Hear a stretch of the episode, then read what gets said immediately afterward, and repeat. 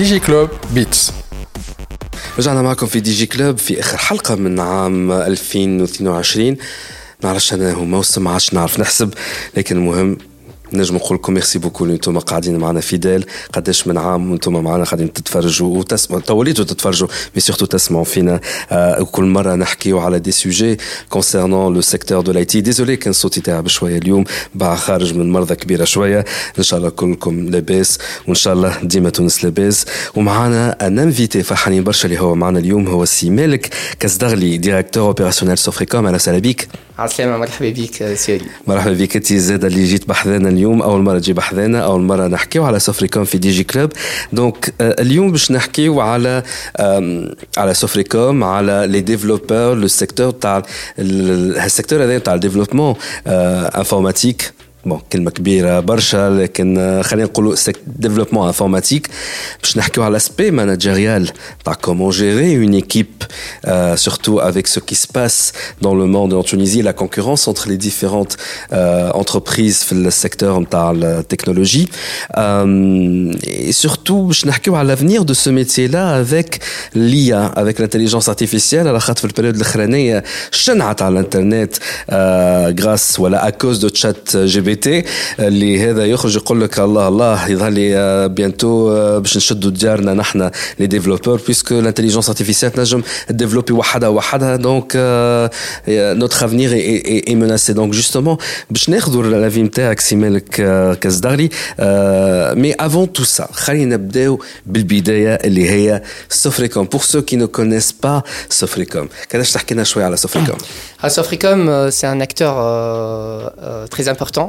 dans le secteur IT Fitunes. on vient de fêter nos 10 ans d'existence en Tunisie et nos 1000 collaborateurs. Donc on a on a une moyenne d'âge de 32 ans, on a une parité homme-femme exceptionnelle et puis surtout on gère un, un, portefeuille très important de projets du groupe Orange un peu partout dans le monde. Euh, voilà, donc euh, aujourd'hui Sofrecom, c'est l'une des sociétés les plus connues dans le secteur du développement et de l'IT. Euh. Ce qu'on appelle un ESN, c'est ça? Voilà, ça c'est plutôt une définition un peu française, mais je dirais un acteur IT et sur le domaine dans le secteur IT et, et, et, software qui en Tunisie. Voilà. Très bien. Donc, un petit directeur opérationnel Sofrecom. Je un directeur opérationnel. Alors, bah, tout simplement, euh, je gère des équipes, des équipes de développement essentiellement. Des, euh, donc, on a, euh, j'ai des équipes qui travaillent pour pour le, pour Orange, pour Orange France notamment, dans le, cas de, de, la direction que je gère, avec des équipes projets, des équipes également transverses, d'architectes, de référents, de coach AJ. Voilà, c'est aussi simple que ça. D'accord, très bien.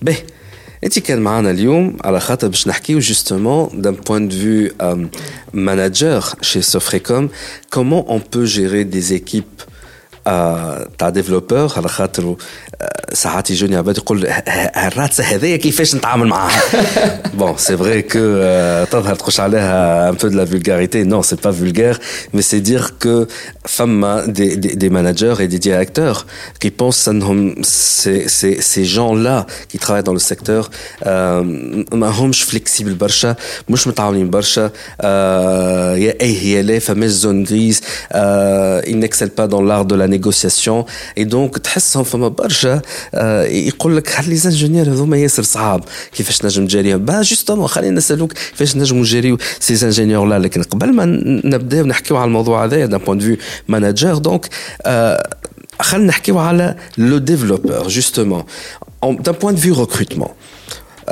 كيفاش chez Sofrecom, ces, ces, ces, ces ingénieurs que vous recrutez, يجيكم يكون انتم يتجراو ما يمشيوش عند عند الاخرين خاطر اون لو سي تري بيان فما كونكورونس كبيره ياسر دو لا بار دي دي زوتر انتربريز اي بورتون نلقاو اللي برشا يمشيو يتجراو لسوفريكوم سي كوا لا روسيت Tout d'abord, j'ai parlé euh, euh, d'ingénieurs en général, parce que nous avons des développeurs, il y a plusieurs métiers dans, le développement. Il y a les qualifieurs, les développeurs, les intégrateurs, les architectes, euh, les product owners. Donc, je risque, quand je parle de développeurs ou je parle d'ingénieurs, généralement, je peux parler de ces métiers-là.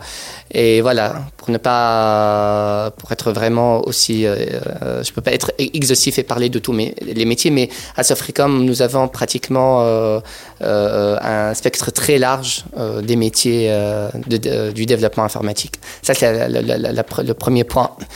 Le deuxième, aujourd'hui, euh, à Sofrecom, euh, l'avantage qu'on a, on a une bonne réputation sur le marché et n'est pas venu un peu de, enfin, comme ça, parce que on sait qu'un développeur quand il va rejoindre ou un qualifieur, un ingénieur quand il va rejoindre développeur, quand il va rejoindre Sofrecom, il va bénéficier de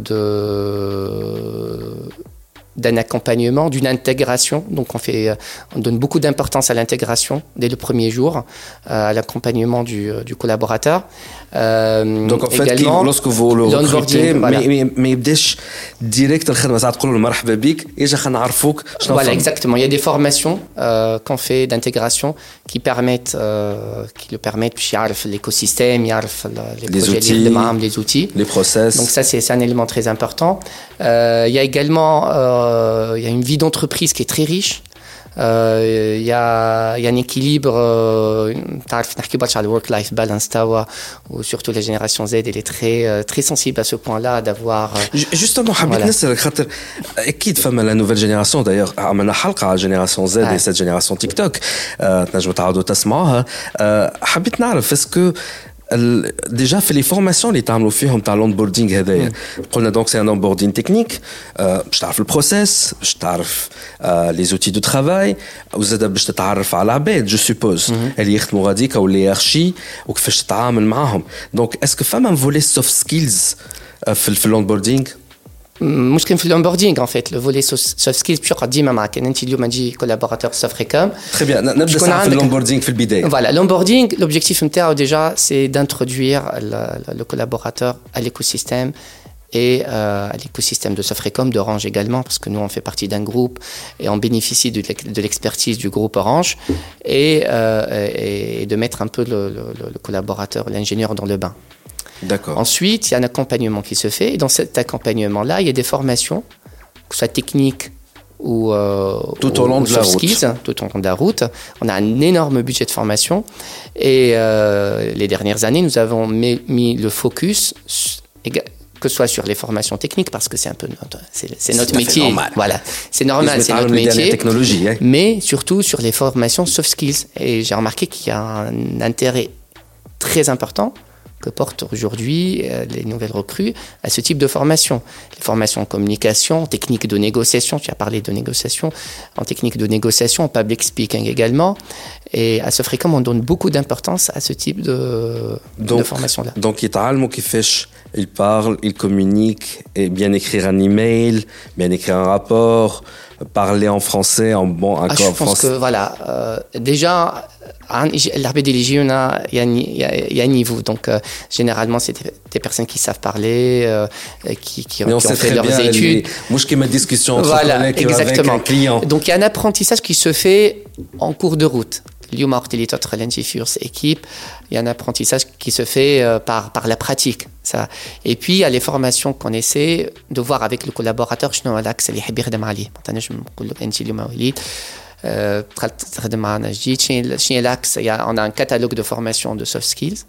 Et euh, avec ton, ton manager, tu vas, tu vas voir quelle formation elle est plus adéquate, les plus adéquate, peut, euh, adéquate peut-être. Euh, public speaking, prise de parole en public, parce que voilà, tu penses que voilà, tu veux faire des présentations, tu es un peu timide, donc euh, voilà, c'est pas hmm. ton cas, mais ah, non, ça c'est intéressant. Mais, euh, mais justement, mais les ingénieurs et, parfois il y a des managers, ils jouent, ils, moi je عباره يقولوها من تحت لتحت نتاع والله متعبين يا الناس هذوما ما يعرفوش كيفاش معناها يحكيو ديما نقول لهم خليهم يمشيو يقراو مسرح وقت يجوني دي انجينيور تاع وليد كومون جو في فير بور ريوسير اون انتربريز نقول لهم برا اعمل مسرح على خاطر الببليك سبيكينغ وانك تقف وتعرف كيفاش تحكي سي ان اليمون تري امبورتون ميم سي انت تخدم مع افيك دي اورديناتور سور دي اورديناتور افيك دي سيرفور راهو تقعد لا كوميونيكاسيون ديريكت elle est très importante que ce soit avec ton employeur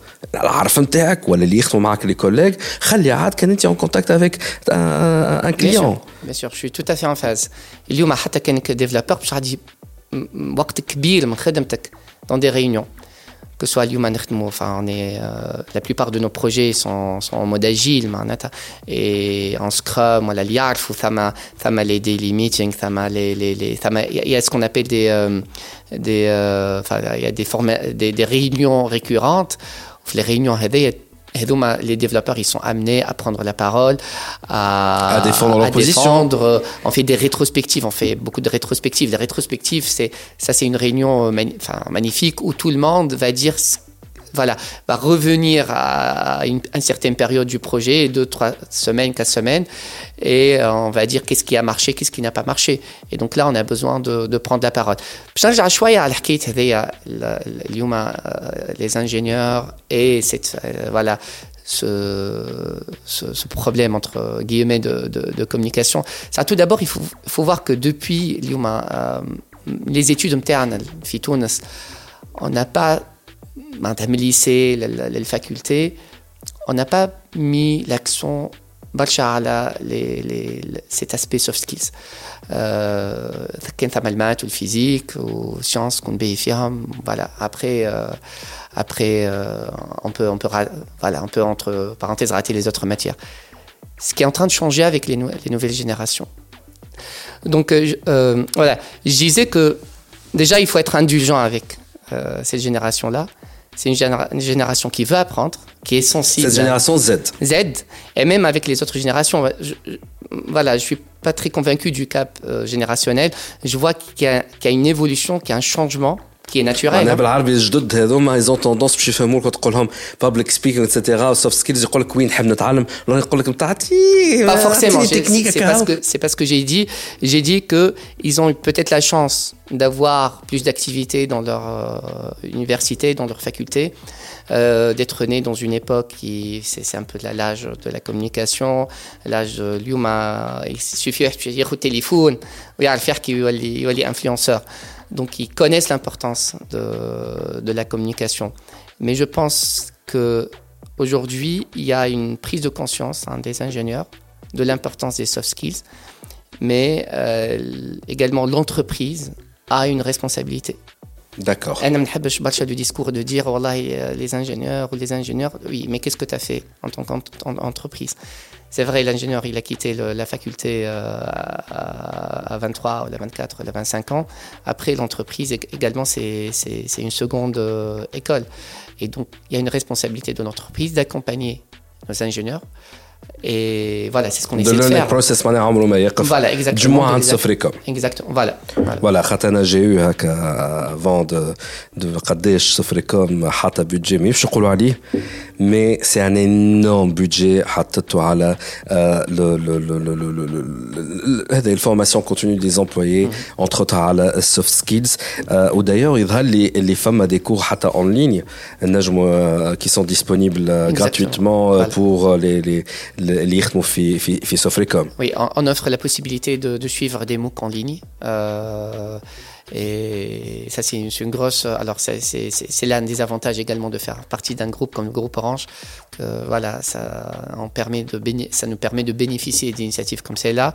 Euh, donc, on a un catalogue euh, très important de, de, cours en ligne, de MOOC. Et voilà, ce qu'on essaie de faire, c'est vraiment donner la possibilité aux collaborateurs d'apprendre, d'évoluer. Mais euh, si j'ai un message à passer ici, c'est que l'apprentissage doit euh, essentiellement être une motivation intrinsèque. Je Yuma, le métier du développeur. Je pense que c'est l'un des développeurs. Encore, quand je dis développeur, je parle des qualifieurs, des ingénieurs, voilà, de tous ceux qui travaillent dans, le, métier de, de l'ingénierie logicielle. Voilà, que ce soit des PO, des Scrum Masters, des analystes fonctionnels, des qualifieurs, des intégrateurs, etc. Quand on est dans ce métier-là, c'est un très beau métier c'est un très beau, métier euh, c'est une chance, je pense, d'être euh, voilà, d'être sur ce métier-là aujourd'hui en 2022. Euh, c'est un métier que j'adore personnellement.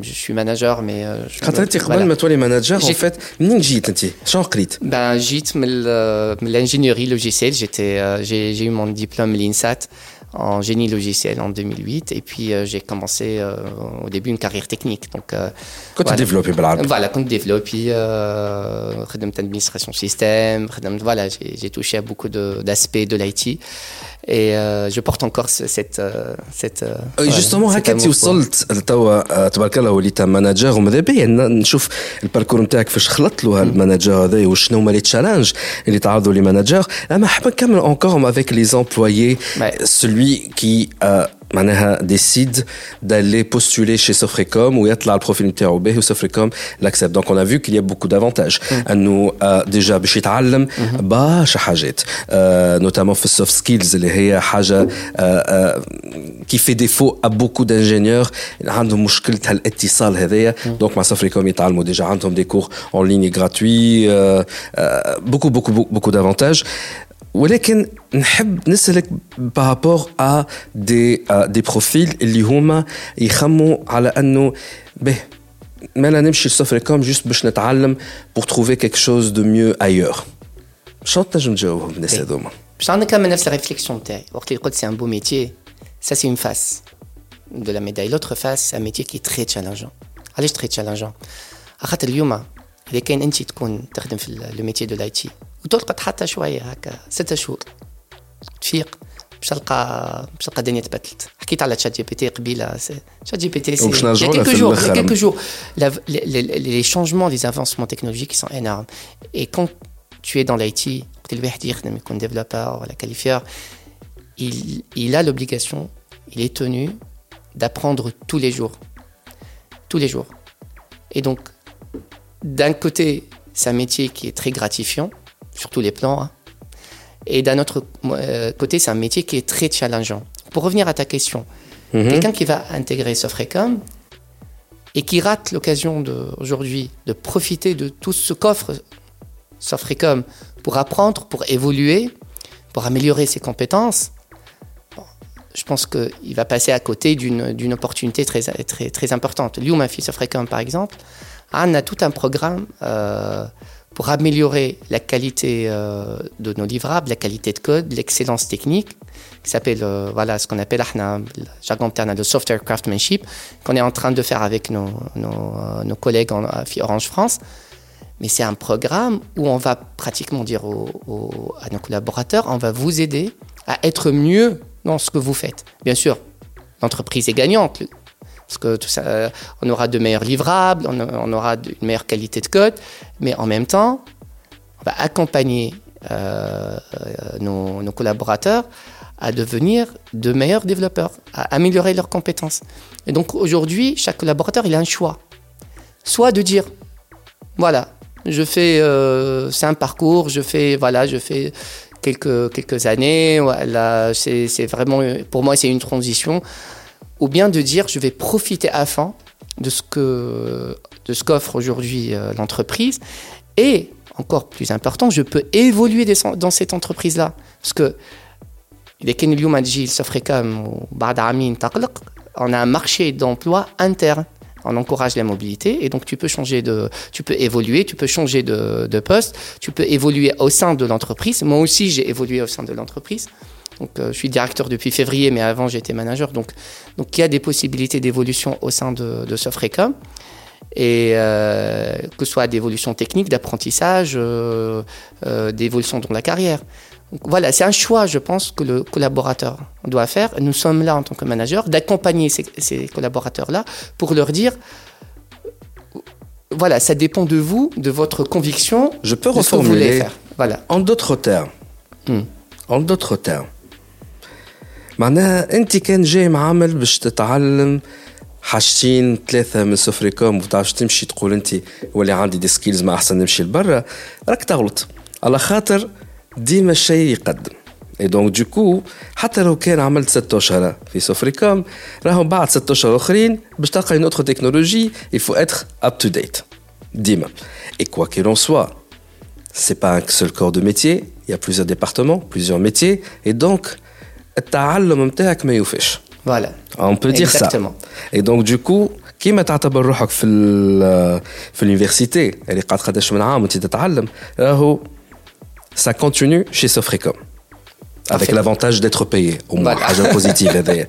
هنا نحب نخلط ان ارتيكل اللي انت هبطته خاطر سيمان الكسداري qui est directeur opérationnel chez Sofricom, il a un, un, un- هو le blog c'est Medium en fait الناس تنجم تهبط عليه des articles donc هبط une série d'articles واحد من les articles اسمه How to become a specialist in being a generalist avec point d'interrogation à la fin et donc في ال في, ال- في الارتيكل اللي كتبته أم، فما خلينا نقولوا دو تشالنج Le challenge, l'ouleni, c'est que tu dois être bon dans ce que tu fais.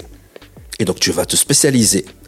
Lesquels en même temps, l'industrie, en sous-entendu معناها l'entreprise, طالبة منك انه تابع الاكسلونس نتاعك انك تبدا ماس برشا دوتر دومين دوتر تكنولوجي فاهمها تبدا عارفهم اي دونك دو كو اللي الانجينيور باش يقول لك منين باش نشد هنا تو معناها نكون سبيسياليزي اي جيتي ريكروتي بور سا اي en même temps je dois apprendre d'autres technologies اشنو نعمل انا تو منين نشدوها تو شنو لافي نتاعك أي، ولا سي- qu'est-ce que tu pourras dire à ces gens-là C'est- c'est- c'est D'un une point de très vue bonne manager. question. C'est une très bonne question.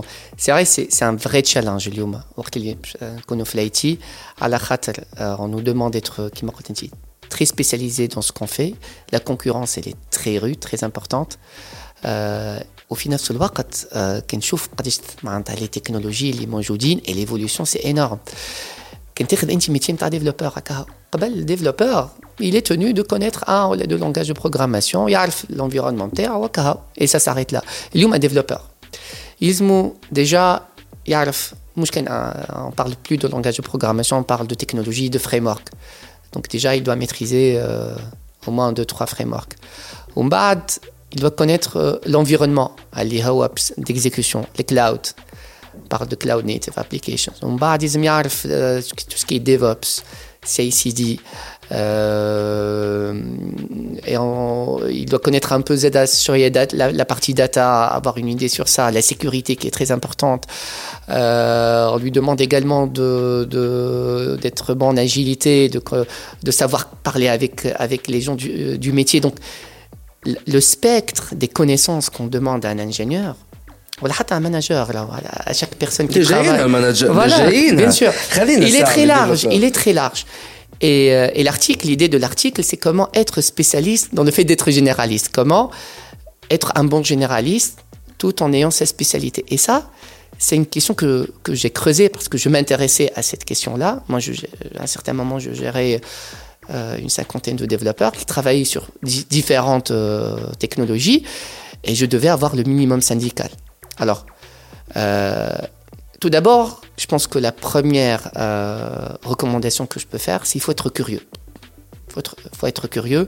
Je vais faire un petit hommage هنا à un enseignant اللي قالني في الانسات سي محمد رمضاني تحياتنا ليك آه، فوالا ان شاء الله يسمع فينا سي محمد رمضاني من الحاجات اللي علمها لنا في الانسات دول اللي قراوا عنده زاد يع- يعرفوا انه وقت اللي من ملي احنا نقراو لازم تكون عندك une culture un recul, les amis.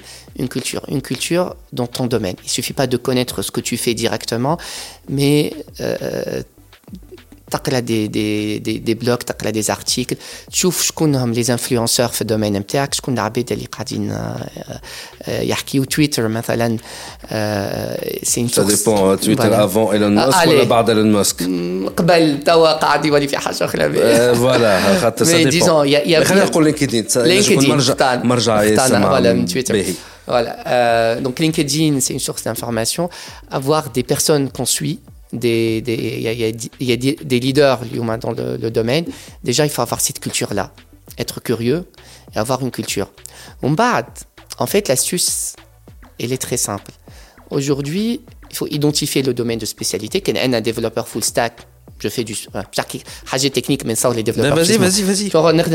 Spring Boot, Angular, je dois être bon en Java, en Spring Boot et en Angular. Il n'y a pas photo. Euh, là, je dois être très bon sur ce que je fais. Par contre, euh, il est كان نسمع بالكلاود وحتى كان البروجي نتاعي ما فيش كلاود اليوم اليوم c'est très facile d'aller sur euh, AWS ou à la Google Cloud et de faire une petite formation et de faire un Hello World, de faire, de, de, de, faire juste une formation sur les basiques. Et là, il suffit de faire une formation sur chaque, dans chaque domaine pour avoir une idée et démystifier ce domaine-là.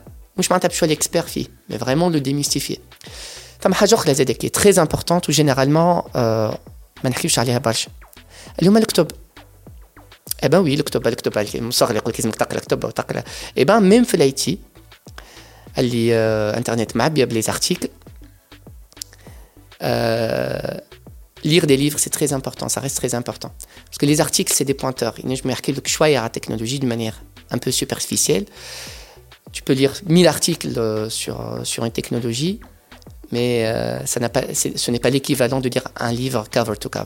C'est prendre un livre, parce que le livre, c'est vraiment l'essence d'une expérience. Et moi, je dis, il suffit de lire parfois un seul livre dans un domaine pour comprendre euh, ce domaine-là. J'ai un ami qui dit au moins les trois premiers chapitres parce que les trois premiers chapitres ils donnent généralement l'idée globale même si on n'arrive pas à lire tout le livre donc être curieux avoir une culture euh, utiliser les réseaux sociaux à bon escient. En d'autres termes, tu es de la Samelost. Voilà. spécialiste dans le domaine Exactement. Mais avoir, exactement, avoir une culture large, c'est très important. Et euh, mais c'est important, mais c'est difficile. Encore, là où il faut qu'on soit réaliste, ça demande beaucoup de temps, beaucoup d'énergie, beaucoup d'efforts. Beaucoup de volonté. Et beaucoup de volonté. Ben voilà. نحن باش نرجعوا نحكيو على شنو هما لي تشالنج Eliardo, un manager, lorsqu'on va gérer une équipe de développeurs, euh, vous êtes, euh, quels sont les conseils qu'on pourrait donner à des étudiants Khatisman Fin, des étudiants les euh, ou des, des ingénieurs qui sont les petits conseils pour qu'ils réussissent leur, euh, leur carrière professionnelle. Déjà l'embauche, Hatachin Yakhaltou, carrière professionnelle, ou à l'échelon des, euh, des managers, mais des la pause, on a tout de suite. DigiClub. Topnet, quoi Connexion, les Very Fiber People.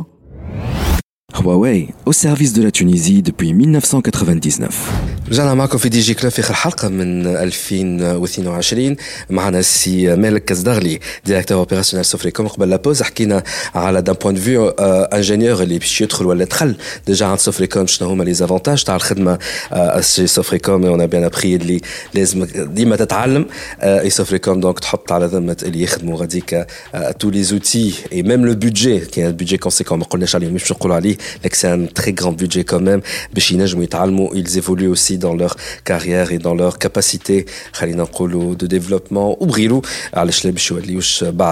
des managers وزاد قبل la pause حكينا على شنو هما qu'est-ce qu'il faut faire pour être un bon élément dans l'industrie هذايا et donc حكينا قلنا en gros لازم تشد العصا من الوسط لازم يكون عندك une culture générale في السيكتور نتاعك ce que tu maîtrises tu maîtrises ça c'est très bien mais il faut avoir aussi une culture générale على les les autres technologies qui sont en cours pour bien réussir وقلنا خلينا نسألوا سؤال بعد البوز à propos de ceux qui nous écoutent qui sont des étudiants خاطر يسمعوا فينا برشا des étudiants يقراو dans les filières IT انت comme professionnel ou manager donc تجري في برشا des profils je tombe les trois conseils en or tentative les Nesedoma, les Esmanfina, pour réussir leur carrière dans l'IT, que ce soit chez Sofrecom ou ailleurs. D'ailleurs, pour faciliter leur embauche chez Sofrecom. Les trois conseils en or. Trois conseils en or. Ben, le premier, euh, encore une fois, la curiosité. La curiosité, euh, ben, c'est un conseil à tout le monde, mais surtout aux, étudiants. Il faut être curieux, il faut lire, il faut profiter euh, de, tout, tout ce qu'on a اليوم انا ما نحبش برشا كلمه جينيراسيون تيك توك خاطر خاطر زاد في نفس الوقت جينيراسيون لينكدين خاطر لها جينيراسيون كورسيرا خاطر لها جينيراسيون ايديكس انا نقول فما لا جينيراسيون تيك توك وحدها لا جينيراسيون الاخرين لا جينيراسيون القديمه شو ديزولي ارجعوا اسمعوا ليبيزود نتاع تيك توك vous allez comprendre انا نعتبره il y a une cassure carrément générationnelle, mais ça ne veut pas dire elle est ou mais c'est un autre mindset. Donc, à ce moment-là les conseils. Ce que je veux dire, c'est qu'il faut profiter de tous les contenus. On a les contenus le hein, l'internet. كيتحل تلقى كل شيء اي دايوغ تنجم تليني حتى لي زالغوريتم كان عندك مثلا يوتيوب شورتس ما عنديش تيك توك مي نستعمل شويه يوتيوب شورتس يسوفي دو دو دو لونتريني شويه باش يخرج لك الكونتوني اللي تحب عليه اليوم اون بو افوار تو الكونتوني كون فو et on peut orienter le contenu pour servir notre carrière, pour servir notre développement professionnel. Et c'est là où réside l'intelligence اليوم مش معناتها ما تحلش تليفون انا جاي mon fils qui a 13 ans ويستعمل تيك توك وكل en fait l'idée c'est vraiment de profiter de ce que nous offrent aujourd'hui ces outils là pour être curieux pour apprendre pour apprendre euh, voilà à son rythme à sa façon mais c'est très important d'être curieux ça c'est le premier point le deuxième point c'est de profiter de toute opportunité qui se présente pour faire des activités extra scolaire ou universitaire. N'importe quoi. Des, des, des, hackathons, des clubs. Euh, euh, voilà, il faut cracher sur rien. Euh, et là, l'importance les événements que soit tout le haka حتى membre organisateur في association باش تنظم حكايه باش نعملوا séminaire l'important c'est ça c'est pas le séminaire lui-même mais tout ce qu'on apprend dans ces événements. Ça, c'est très important. Et ça, ça permet, ça facilite énormément l'intégration euh, en, entreprise. Quand je fais un mouvement d'entrepreneuriat chez les jeunes, c'est extraordinaire. Ben, euh, euh, donc, vraiment, il y a tout cet aspect-là qui est, complémentaire aux études qu'il faut, qu'il faut vraiment en profiter au maximum tant qu'on a le temps, surtout de le faire. Le troisième point, et ça c'est un point, je pense les, les deux premiers points on en parle beaucoup, mais j'ai peut-être شيء جديد désolé. troisième point ما نحكيوش عليه عليه برشا. اليوم في وسط الغرام بالتكنولوجيا والبلوك تشين والماشين ليرنينغ والدنيا اللي قاعده تتبدل وكل ساعات ننساو لي فوندامونتو on oublie les fondamentaux et les fondamentaux de notre métier c'est un code propre bien conçu bien fait et c'est très important de faire attention à ces fondamentaux-là. C'est comme la langue. Ah, dans le domaine du journalisme, on peut avoir de très bonnes idées, mais dès y a un article et tu ne maîtrises pas la langue, l'idée ne va pas, ne va pas, ne va pas, comment dire, avoir un, écho très, très fort. Lyouma, maîtriser, voilà, savoir produire un code propre, un code bien conçu, bien réfléchi, faire ce travail-là de, de, réflexion avant de, de coder, ça c'est très très important. إذا لي فهمت شو المقصود نتاعك باش نحاول جو فورمول بيسكو جبت شويه ليكزامبل نتاع الدومين نتاعي هو مش بالضبط ولكن فهمت المقصود خاطر مثلا في الدومين نتاعي ان بون جورناليست اللي يعرف يوصل المعلومه ويكون معها ان انفيتي يخرج المعلومه من الانفيتي اي نون با يحاول يوري روحه ديفون لا كاميرا الانيماتور جو بونس ولا الجورناليست اللي هو ان ميتريز ان كيفاش نقول ان اوتشاين ذا ذا ذا ذا جيست فهمني؟ دونك نفس الشيء ولكن منطق آخر من ناحية لي زانجينيور حسب ما فهمت مليح. سي كو أي باهي باش تورينا روحك تفهم وأنت سد العريف وتبارك الله عليك اتس جود لكن أعطيني الرسمي والصحيح. تعرف تكودي كانت كودي تكودي بيها من الأخر الليفرابل نتاعك خلي الكليون يقول لك تبارك الله عليك محليك ما بينك أما أنا باش توري روحك راني نعرف ونعرفك الشواف هذاك خليها عندك ما حاجتيش بيه. هذاك هو من آخره. Alors, on a toujours besoin de, de, maîtriser les technologies, mais c'est vraiment de dire, on revient aux fondamentaux qui m'a les fondamentaux, c'est le code c'est le code enfin كنقول كود راهو الكود في كل شيء اليوم كود اليوم que soit qualifieur ولا intégrateur ولا حتى architecte اليوم tout est code et donc euh, voilà revenir aux fondamentaux de notre métier et ça واضح واضح جدا به توا باش نتعداو للفاز الاخرى وقت تكون انت في شركه كبيره كما سوفريكوم être manager انت manager vous êtes directeur opérationnel chez Sofricom ونرجع encore للبلوج medium.com خاطرو سي ملك كتب ان ارتيكل a letter to a software development manager et dans cette lettre là بريسك يحكي معاهم على أساس نعرف اللي أنتم فوزيت فرستري نعرف اللي أنتم متقلقين. واش يحكي مع روحه شوية؟ دونك شنية ساعتها؟ مانيش نعاودوا نرجعوا على على اللي كتبته داير تدخلوا على نحاولوا نعطيو الادريسه بالكامل مالك الزدغري كله لاصق في بعضه بوان ميديوم بوان كوم دونك ادخلوا اقراو لي زارتيكل نتاعو هو. مي حسب ما قريت عندك une sorte de top 3 des erreurs à éviter lorsqu'on est manager en gros ولا انا غلط هي الليسته اطول بين اكثر من هكا ديزون توب 3 دي تشالنج بوتيتر زاد اليوم خلينا نقولوا به اعطينا ما لي 3 توب تشالنج اللي يتعرضوا ام ام ام ام مانجر يجري في ايكيب دانجينيور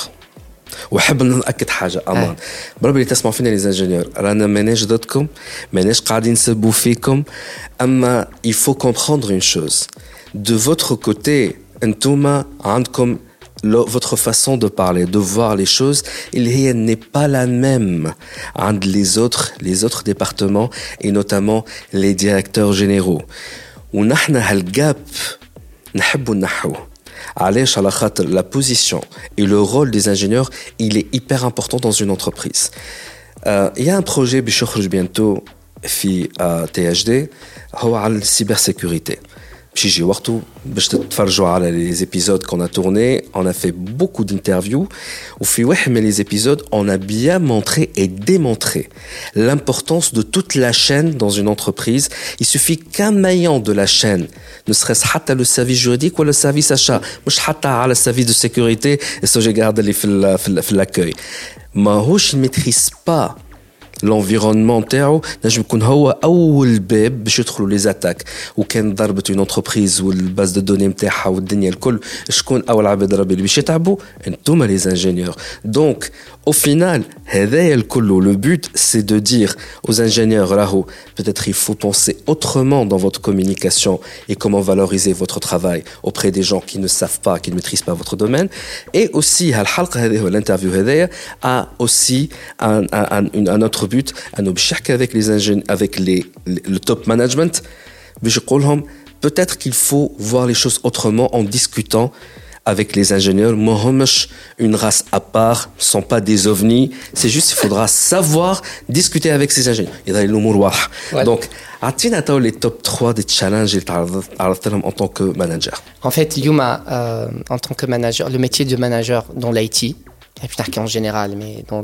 notre métier, dans notre domaine de l'IT, il, a connu un changement radical les dernières années. Euh, et ça sur trois volets, trois challenges essentiels. Le premier, c'est le challenge opérationnel. Je m'en challenge opérationnel. Liuma, le manager, il est responsable sur. Il a, une responsabilité de delivery. Mais il a une responsabilité de, de delivery dans un monde qui bouge, euh, dans un contexte agile, euh, avec des euh, time to market qui, sont, qui deviennent de plus en plus réduits, avec des exigences encore plus fortes. Donc, et en même temps, il n'a plus le rôle, la casquette, le chef de projet, alliant de l'autorité, qui à l'équipe. Mais entre le chef l'agilité la Scrum, on sait que Scrum, il n'y a, y a, pas, y a pas cette notion de chefferie de projet. Et un manager d'une ou plusieurs équipes Scrum n'est pas le chef de projet classique, mais par contre, en même temps, il est responsable sur sur la, la, la, delivery et sur la qualité de, de. Et ça, c'est un changement radical du rôle de, du manager. Donc, il a cette responsabilité opérationnelle, cette responsabilité de livrer. Parce qu'à la fin de la journée, là, c'est bien la technologie, c'est bien l'humain, mais il faut livrer. Il faut qu'on arrive à livrer des produits qui tournent. Et, et c'est une grande responsabilité. On n'en parle pas beaucoup, Lyuma, hein, les managers des équipes de dev. Mais c'est quelque chose dont les managers doivent être conscients ils doivent savoir qu'ils portent les objectifs de l'entreprise, la stratégie de l'entreprise, et qu'avant tout, ils, ont, ils, doivent avoir en tête cette, cette, cette responsabilité de delivery. Ça, c'est le premier challenge. Le deuxième challenge, c'est le challenge technique. on en a parlé, et le challenge technique. Et euh, le challenge technique, il est encore pour les, les, les développeurs qu'on a développeur اليوم يلزم يعرف السبيسياليتي نتاعو ويعرف برشا حاجات اخرين باهي كي نجيو توا للماناجور تاع équipe de développement il y a un grand débat اليوم في l'industrie qui dit est-ce que le manager doit être techniquement excellent ou elle allait est-ce qu'il doit savoir coder ou elle allait et il y a des personnes qui, qui disent que يلزموا يعرف يكودي مش vraiment ça c'est une exigence c'est une condition sine qua non il y a un autre volet qui dit non بالعكس manager يعرف يكودي c'est un danger pour l'équipe. خاطر باش يولي ينسى الرول نتاعو نتاع المانجمنت ويمشي يتلهي يولي هو الإكسبير وبعده اسمع أنا نوريكم كيفاش تعمل. جوستومون جوستومون مالك والله في البوان هذايا أنت كتبت عليه ان بلوج enfin un article d'accord Should engineering managers be technically excellent? Et là, جبت على إيلون ماسك شكون ما يعرفوش إيلون ماسك؟ اللي هو خرج خرج ان تويت اللي قال فيه انه ان بون مانجر سي ان بون تكنيكال عنده تكنيكال اكسلنسي خلينا نقولوا في الكاباسيتي نتاعو هو في في الخدمه نتاعو هو اور فما شكون يقول لك نو بلوتو ان بون مانجر سي بلوتو عنده ان بون سونس دو ليكوت يعرف كيفاش يجري ليكيب نتاعو اي دونك لو كوتي سونتيمونتال خلينا نقولوا بسيكولوجيك خلينا نقولوا اي دونك يا يو سو غراند ديبا اون ليني لكن انا ما عرفتش انت وين نقرا في في الارتيكل نتاعك le poste j'ai posé des questions j'ai posé des questions j'ai pas apporté de réponse après il y a eu des discussions حتى على LinkedIn alors là مش تحكي تاع على l'aspect uh, people management مش خلينا كاين في التكنيك في التكنيك mon avis il est, très simple اليوم en tant que manager dans le domaine technique il y a une obligation de connaître le domaine technique dans lequel on est en train de travailler Je معناتها كان كنت اليوم ما عندك تمانجي في équipe تخدم في développement d'applications web avec une technologie XY. لازمك تعرف comment on développe une application web avec ces technologies-là. مش معناتها تولي expert فيها. Il suffit de faire une formation de 2-3 jours ou à la, euh, mettre quelques heures pour faire une petite application très simple pour savoir comment ça se passe. Ok Mais مش معناتها راك باش تولي باش تولي باش تولي un expert. Allez, c'est important.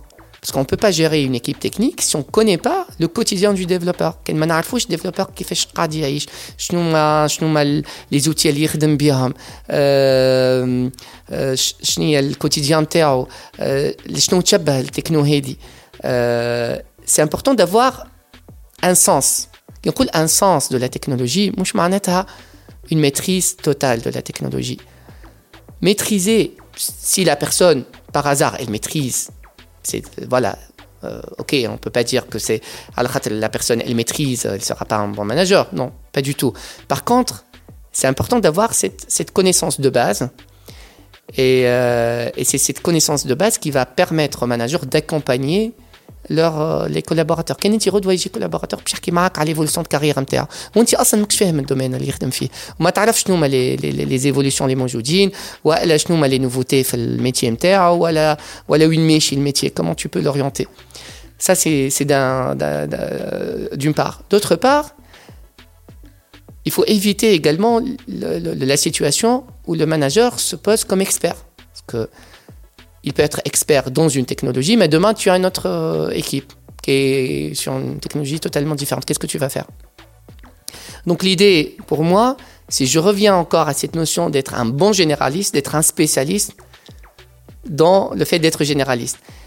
Et un bon manager, c'est un bon généraliste, c'est un très bon généraliste. C'est quelqu'un qui sait, qui sait changer de contexte, Rodwa اليوم يخدم في développement d'applications web Rodwa نعطيه un projet machine learning مش هو اللي expert machine learning ولا IA mais il va faire l'effort quand même de comprendre le machine learning de comprendre l'IA et de savoir de quoi il s'agit pour pouvoir gérer une équipe ولكن سي مالك زدالي نذكر انت ديريكتور اوبيراسيونيل شي سوفريكوم وتجري قداش من عبد 50 هكاك اكثر اقل ليكيب اكثر من 100 اكثر من 100 ولكن هنا سي جو كومبرون بيان معناها et je, suis d'accord avec vous, nous لازم يكون عندك une connaissance technique ماهيش peut-être approfondie كيما les les les collaborateurs نتاعك اللي اللي تشابوتيهم ولكن عارف plus ou moins باش تنجم هكاك تعرف تحكي معاهم تكنيكمون على خاطر un manager يتجر notamment des frustrations et donc فما le côté frustration تاع الكارير نتاعي واقفه نحب نتعلم حاجه اخرى والا j'ai un problème sur cette technique là j'ai n'importe quoi et mon coéquipier ou le reste de l'équipe ما تحبش تمشي معايا في الثنيه الاخرى في الديفلوبمون حاجه دون سو سونس il faut comprendre مي انا وانت نعرفوا اللي اكثر حاجه تعترضنا نحن كم مانجر سي لا جيستيون دي شوز نون تكنيك اه بيان سور دونك هذاك كومون فير التكنيك وفهمنا ديما مع كنت نشدوا العصا في الوسط اون بيان كومبري اون بيان كومبري وفما لو سونس دو ليكوت في الكوتي تكنيك Mais dans le cas où il y a un employé complètement démoralisé, pas forcément le khidma. شنو تعمل؟ Question Saïba euh, Lélé, pas du tout. C'est un peu, c'est le troisième challenge, Khalitoum du manager. C'est Khalitoum c'est euh, le people management, comment gérer euh, l'humain. Et gérer l'humain, euh, c'est très compliqué. C'est très compliqué parce qu'il faut être outillé. Il faut avoir des outils. On parle beaucoup d'empathie aujourd'hui, l'importance de l'empathie. Moi, j'ajouterais également la compassion. La compassion, c'est d'être capable de comprendre l'autre, de se mettre à sa place, mais également de le comprendre, de, de, voir un peu le monde de, voilà, de, son, de, son, de sa perspective, de son point de vue. Euh, il faut avoir également une bonne intelligence émotionnelle. Et une bonne intelligence émotionnelle, une bonne empathie, elle commence par un travail sur soi. Un manager qui travaille pas sur soi, qui ne sait pas gérer ses émotions, qui ne sait pas faire un travail euh, سيغ سوا قبيلة قبل ما نحكي حكينا شوية على المايندفولنس اون اوف قبل ما نبداو نسجلوا هو بدا يحل في التليفون نتاعو باش يحطه مود سيلونسيو يا أخي جرب لو مود مايندفولنس قلت له يا أخي تعمل في المديتاسيون. خاطر نعرف من الجموع هذوما. تاع المديتاسيون. قال لي نعمل في المديتاسيون لو سوار قلت له مرحبا بك بيانفوني أو كلوب على خاطر ابارامون سي ان بوان كومان عند برشا دي ماناجر اللي هو نتاع تلمون تلم الإنرجي نتاع لي كولابوراتور نتاعك. لازمك في آخر النهار tu la transformes cette énergie-là d'une façon ou d'une autre. Et donc, femme à la partie méditation. Vas-y. Voilà, donc c'est ce que je disais. Il y a un travail sur soi qui est très important qu'il faut faire.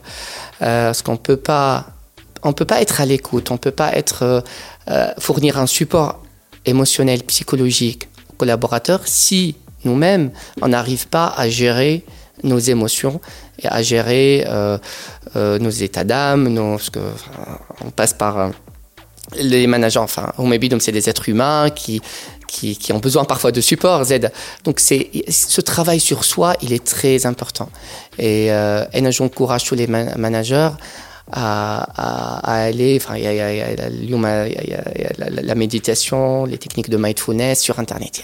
Il y a, plein d'articles, il y a plein de cours qui, euh, qui aident à mieux se connaître, à mieux se connecter avec soi-même.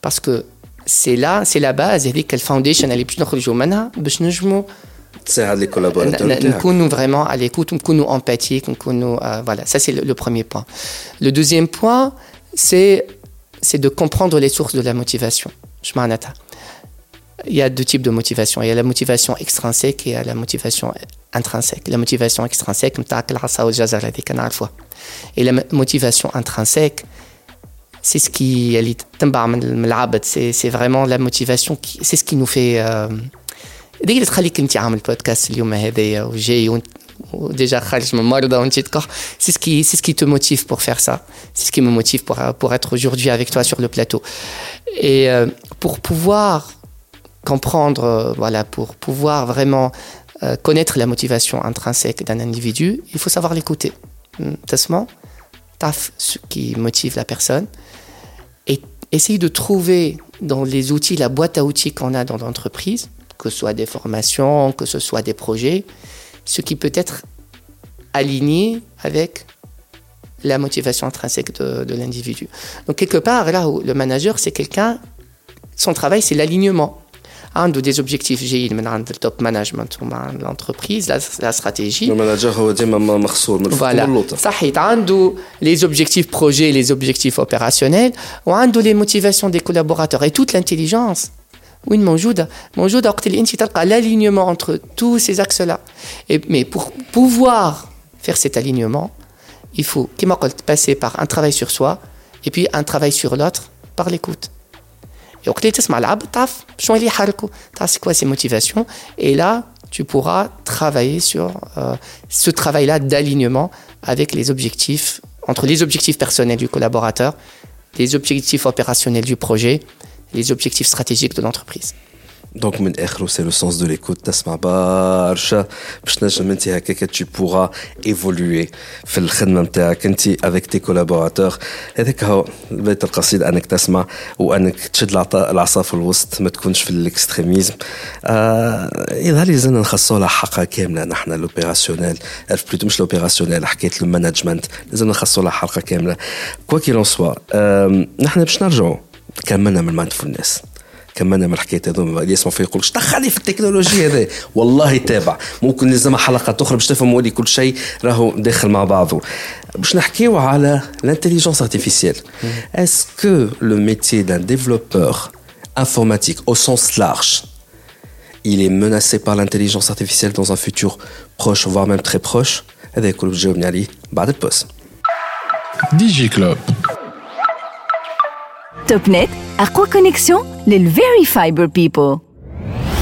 Huawei, au service de la Tunisie depuis 1999. رجعنا معكم في دي جي كلوب آه، في اخر بارتي من الانترفيو مع سي مالك آه، كاسدغلي ديريكتور اوبيراسيونيل شي سوفريكوم قبل بوز حكينا على دان بوان دو فيو ماناجر كومون جيري كومون اتر ان بون ماناجر دان دان جروب دو ديفلوبور دانجينيور ان تو كا سي با سورسي في الاخر آه، كلمه السحر هي ليكوت لازمك تسمع الكولابوراتور نتاعك كو سو سوا دان بوان دو فيو بروفيسيونيل على الخدمه نتاعو دونك لازم تكون ترانسفيرسال خلينا نقولوا آه، في ال في ال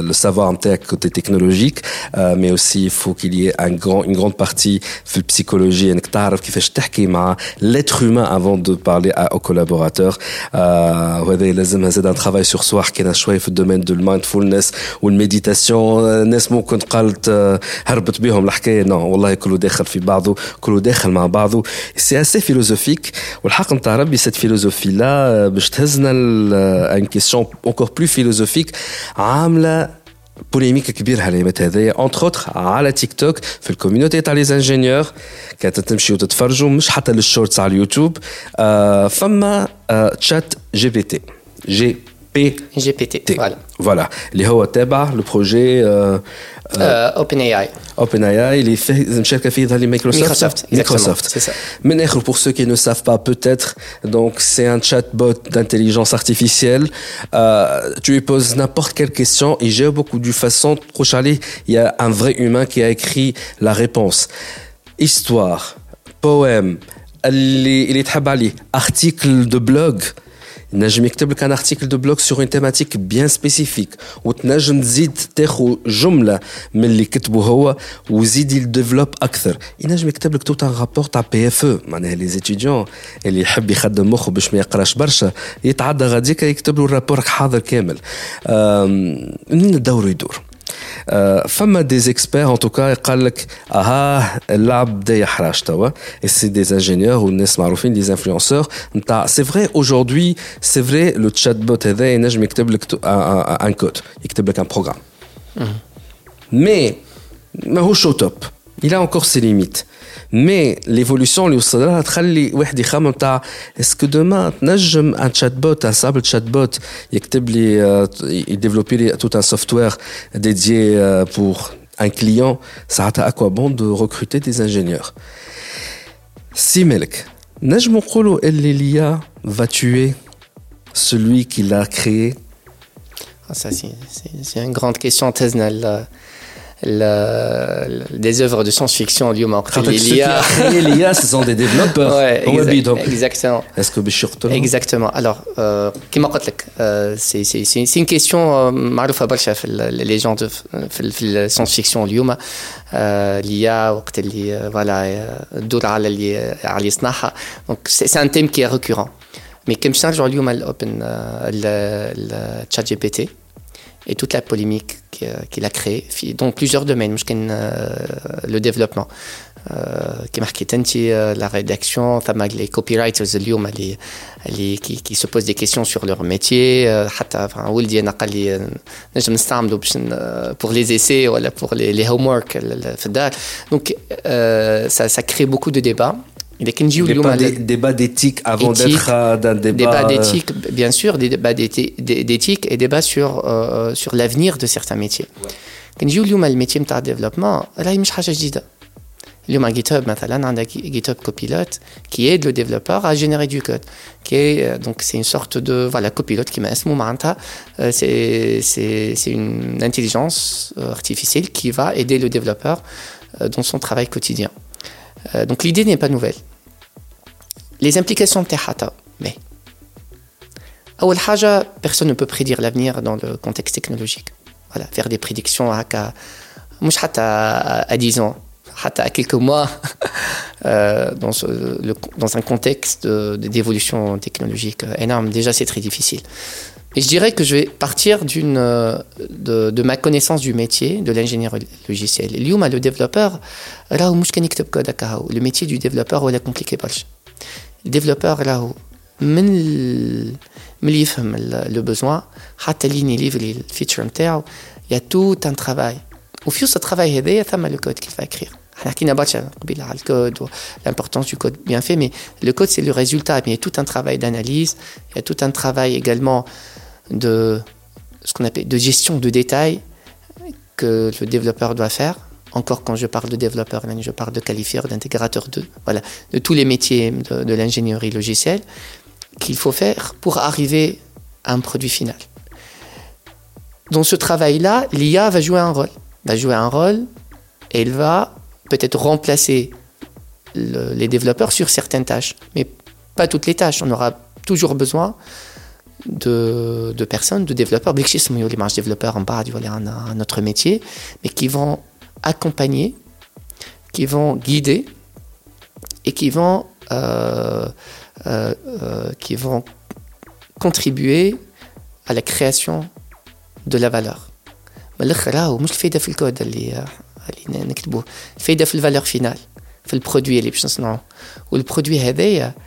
est-ce que l'IA elle peut gérer tout le produit Par exemple, un produit euh, de gestion de risque في بنك يلزمك تمشي تحكي مع les gestionnaires de risque ويلزمك تمشي تحكي مع les régulateurs ويلزمك تفهم les règles métiers ويلزمك تشوف كان عندك ابليكاسيون ليجاسي تفهم الكود نتاعها ليش السؤال تاع بهيمه؟ نعم ليش السؤال تاع بهيمه؟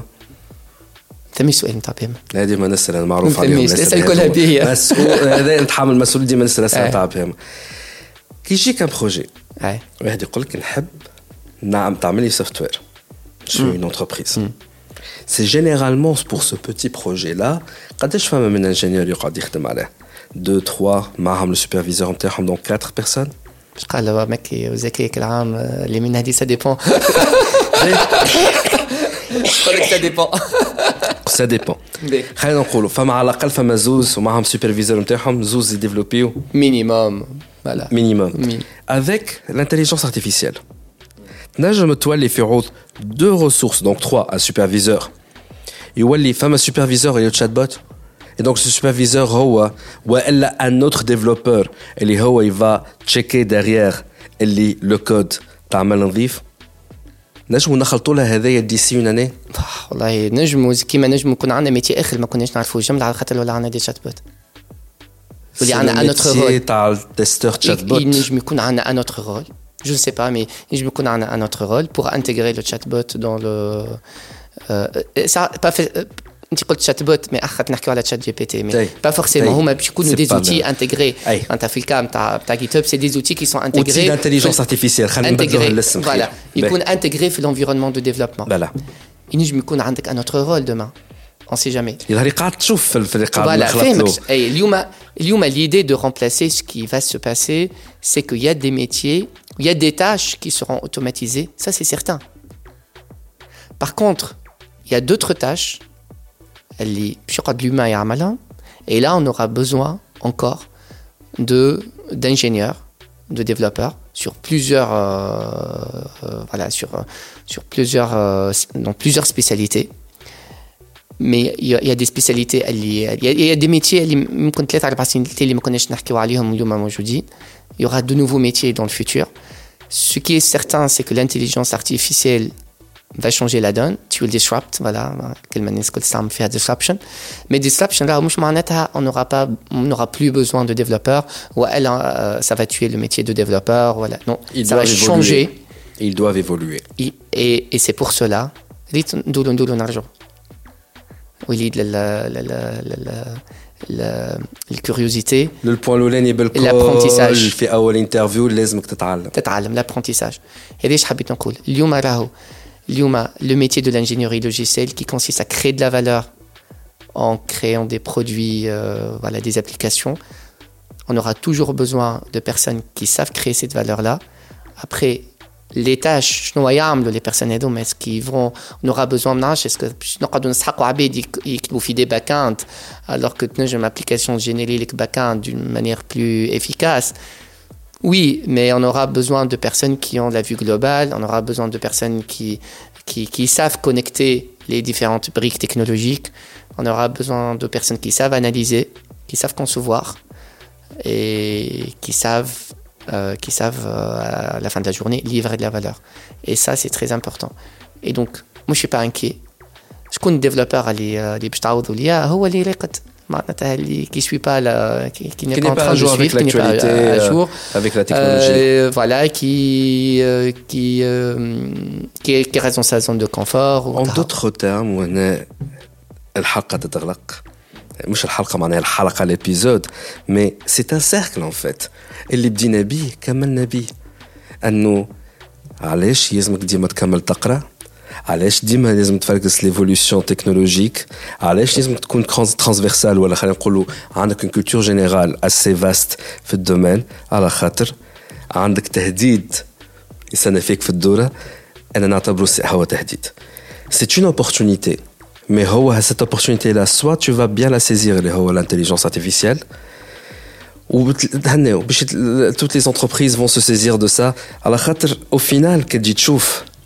les entreprises alors ils vont adopter et prendre l'intelligence artificielle à la khata ça va leur permettre d'améliorer leur productivité ça va les permettre ils vont réduire les risques et les, et les, et les dépenses et donc soit NT tu vas faire ton évolution ou تمشي avec les nouvelles tendances du métier كما قلت انت ممكن دوتر بزوان باش يظهروا اي دوتر كور دو ميتي باش يظهروا سي سوا باش تلقى روحك على برا اي دونك او فينال اللي حكينا عليه في الاول انك تتعلم عمرك ما توقف على التعلم نتاعك حتى لو كان تدخل دون لو سيركل نتاع الخدمة. هنا تشوف لافونتاج نتاع الشركة اللي تخدم فيها. سي سوا الشركة هذيا نتاع أعطيني اش عندك ويشوفك فلوس؟ قداش باش تدخل فلوس غراس أو بروجي باش تنجم تحلل الفلوس كنتي وتاخذ السالير سي سوا اون انتربريز اون اوتر انتربريز كوم لو كا تاع سوفريكوم اللي تقول لك لا خويا القرايه ما فاتش مع الفاك. راك باش تكمل معايا اي سي ان كورسوس توت أو لون من الخدمه نتاعك معايا أنا اي سي لا لافونتاج على انك تقعد ديما تقرا حتى لو كان تولي مانجر باش تنجم ديما تخلي بلاصتك وتطلع مع الاندستري خاطر الاندستري باش تقدم بيك ولا من غيرك صحيح الكلام اللي قلته بارفي فوالا كمل كلمة الختام كان عندك حاجة تحب تقولها حاجة فيها كريتيك حاجة تكون فيها روميرسيمون أه تحب تحكي على ان بوان اللي انت vous pensez ما يتحكيش عليه برشا في الدومين نتاع لي او اس ان ولا دومين تكنولوجيك تحب تقول عليه كلمه أه اول ما تقابلنا وليد قلت لك j'ai une conviction qui va au-delà de, de Sofricom j'essaie de faire ça في Sofricom mais je pense حتى l'écosystème اليوم نتاعنا في في تونس notre industrie logicielle on a besoin aujourd'hui d'avoir des facteurs différenciants, d'avoir des, des, avantages compétitifs, d'être différent. Et je pense que ce point-là, l'excellence technique, l'humain, euh, accompagner nos, nos, collaborateurs pour qu'ils soient, voilà, qu'ils soient meilleurs dans ce qu'ils sont, dans ce qu'ils font, qu'ils sont, qu'ils soient excellents. Euh, avoir accompagner les managers parce que les managers c'est vraiment le, premier euh, contact de, de, nos ingénieurs euh, accompagner les managers comprendre les problématiques des managers faire monter en compétence les managers ce sont des, des deux, deux axes très importants l'excellence managériale l'excellence technique aujourd'hui les nouvelles technos, euh, que ce soit le machine learning, euh, euh, le, blockchain, l'IA, on a besoin d'être sur ça, enfin on a besoin de suivre l'actualité, mais c'est très important également de revenir aux fondamentaux et de construire une industrie qui soit, euh, qui soit solide. Et donc là, c'est, c'est, un mot que j'adresse à tout le monde. Hein. Enfin, aux développeurs, il y a une responsabilité des développeurs aujourd'hui. Les développeurs, des qualifieurs, des intégrateurs, ils ont une responsabilité de prendre en charge leur euh, dessin, leur carrière et d'apprendre aux managers également de voilà c'est un métier qui est difficile c'est un métier qui est challengeant mais c'est un métier qui est très gratifiant et aux décideurs également pour accompagner, pour être conscient de ces, de ces challenges et ne pas se focaliser uniquement sur les aspects financiers. Très bien. Simel Kasdali, directeur opérationnel chez Sofricom, merci beaucoup d'avoir accepté notre invitation. Inch'Allah, les autres aspects On a beaucoup, beaucoup, beaucoup, beaucoup. Ne serait-ce le côté managérial. How to become a good manager.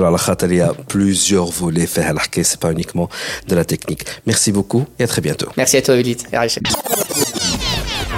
DJ Club Beats.